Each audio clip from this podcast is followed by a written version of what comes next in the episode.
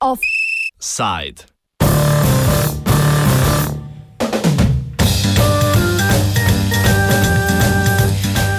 Hrvaška kriminalizacija solidarnosti.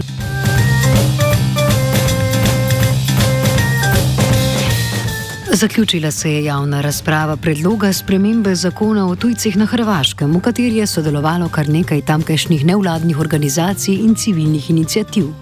Te so v svojih prispevkih v razpravi komentirale predvsem poskus kriminalizacije pomoči tujcem, ki jo nudijo državljanke in državljani. Zaplete pa se že pri samih razlogih za spremembo, ki so precej nejasni. Več Ivana Perič iz medijskega portala H. Alter.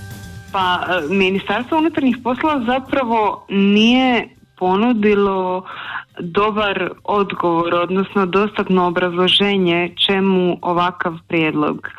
Zapravo sve što se, sve informacije koje mi dobijamo iz MUPA su dosta zbunjujuće i kontradiktorne i čak je njihov odgovor organizacijama kao što je Centar za mirovne studije, e, Hrvatski pravni centar, Zelena akcija, znači sve organizacije koje su uputile kritiku ovakvom prijedlogu, njihov odgovor je zapravo ne govori ništa.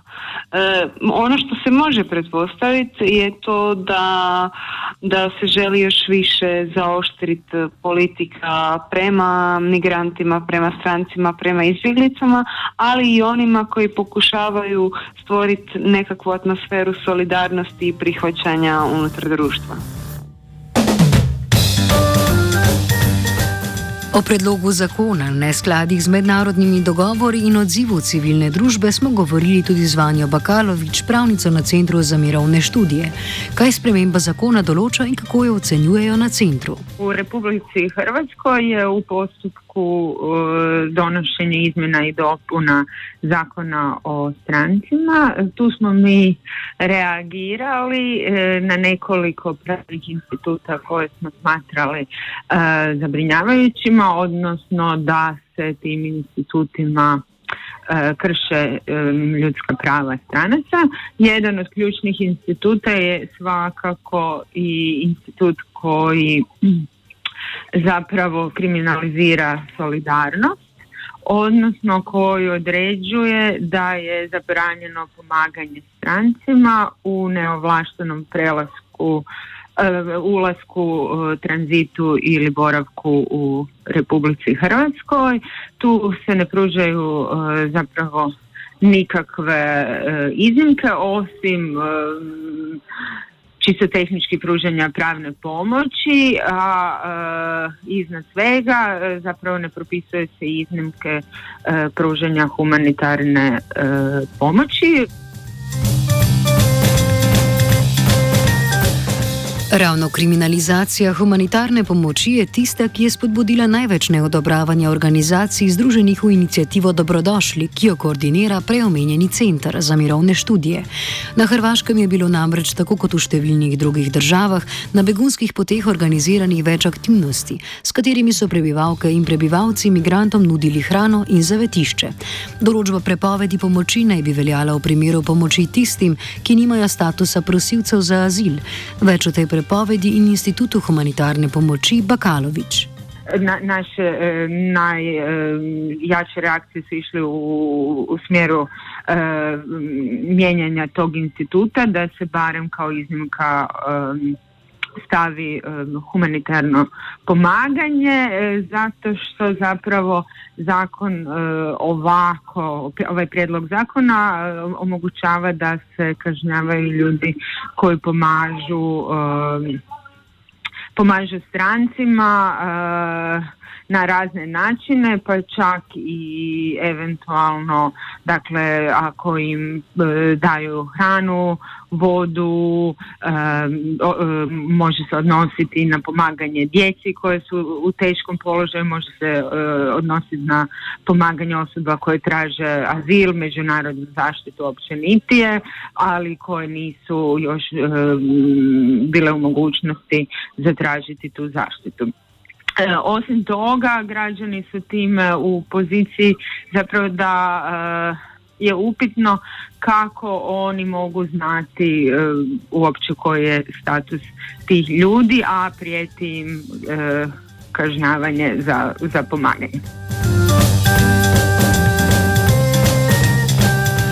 Za osebe, ki sodelujejo pri zagotavljanju pomoči, so predvidene tudi kazni. Kazne su e, do 60 dana zatvora za to prekršajno. Dakle, e, zakon o strancima regulira e, kao prekršaj zabranu pomaganja i tu su kazne do 60 dana zatvora i 23 tisuće kuna novčane kazne. S tim da naravno kazneni zakon regulira i kaznene oblike takvog djelovanja, krijumčarenje, trgovanje ljudima i, i, i slično. Dakle, to su zasebne kategorije.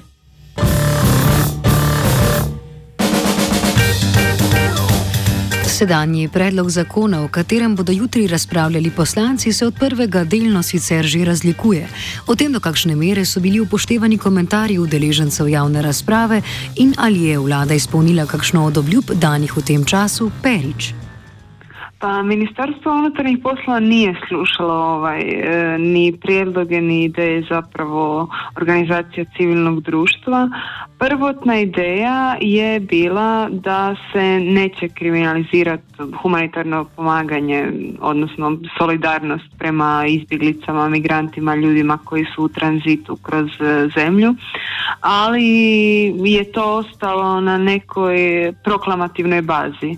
Odnosno sada u novom prijedlogu nije, nije, novi prijedlog zapravo nema nikakve veze sa onime što je vlada prvotno, kako se vlada prvotno izjašnjavala, odnosno sada se ispostavilo da je sva ta obećanja su bila čista obećanja, ništa drugo, zato što se u ovom nacrtu zapravo ne samo da, da on nije nimalo solidaran, nego se kriminalizira, kriminalizira solidarnost.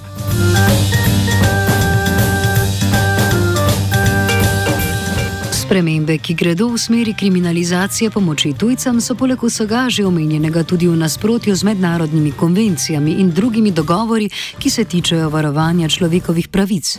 Kaj vse Hrvaška potencialno krši, če pride do spremembe Bakalovič? Mislim, da u toj odredbi se krše razne, razni međunarodni i regionalni dokumenti. Dakle, prvenstveno se time krši konvencija o statusu izbjeglica koja zapravo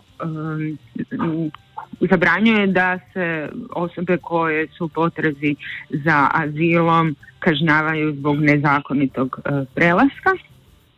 E, međutim, postoje i razni dokumenti Evropske unije, pa tako je, e, postoji i direktiva Evropske unije o pomaganju neovlaštenog ulaska, tranzita i boravka, gdje se zaista propisuje nužnost E, kažnjavanja za pomaganje u tim situacijama, međutim sve u, e, sve u cilju zapravo e, sprječavanja krijumčarenja, trgovanja ljudima i, i dakle nekakvih kaznenih dijela i okvirna odluka koja objašnjava mm, objašnjava svrhu te direktive i sama govori da ne smije ići to kažnjavanje na uštrb mm, tražitelja azila i, i izbjeglica i njihovih prava. Isto tako su se e, te organizacije koje sam navela prije, koje su dale svoje prijedloge amandmana, pozivale i na neke druge instrumente, pravne instrumente, pa je tako Hrvatski Crveni križ se za početak pozivao na svoj mandat i temeljna načela Crvenog križa e, koje i zapravo propisuje da je njima humanitarna, da je e, humanitarna pomoć njihov temeljni mandat, humanitarna pomoć migrantima bez obzira na njihov status, slično to progovara i rezolucija o migraciji. Koje su podržale e, e, brojne vlade i nacionalna društva Crvenog križa i kroz to bi se trebala omogućiti pristup svim migrantima u potrebi u svrhu pružanja humanitarne pomoći.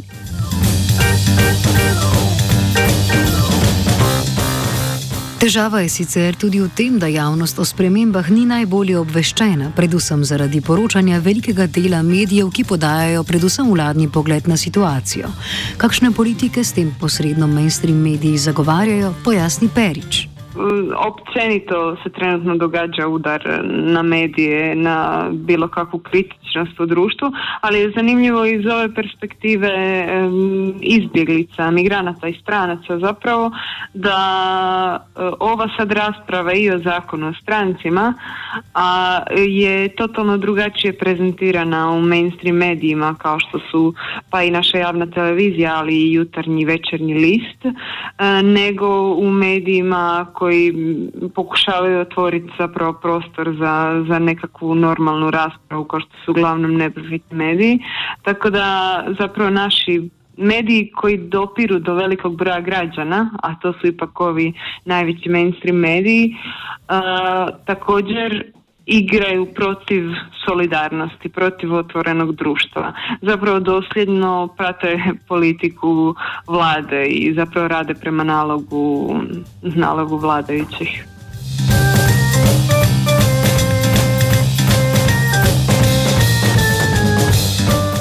Glede na trenutno stanje v hrvaški politiki, kjer lahko opazujemo porast nacionalizma, je pojav takega predloga sedaj sploh presenetljiv, zaključi Perič.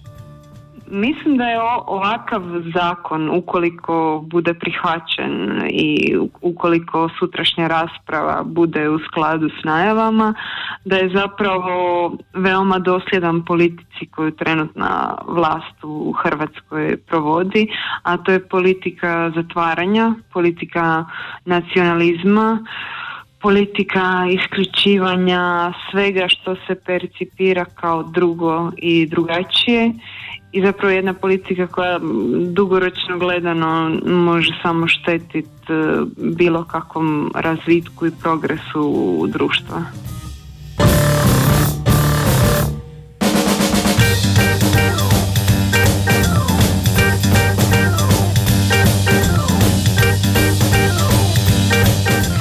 Offside sta pripravila Zala in Lio. Oh. Oh. Oh. Oh. Off. Off. Off. Off. Side.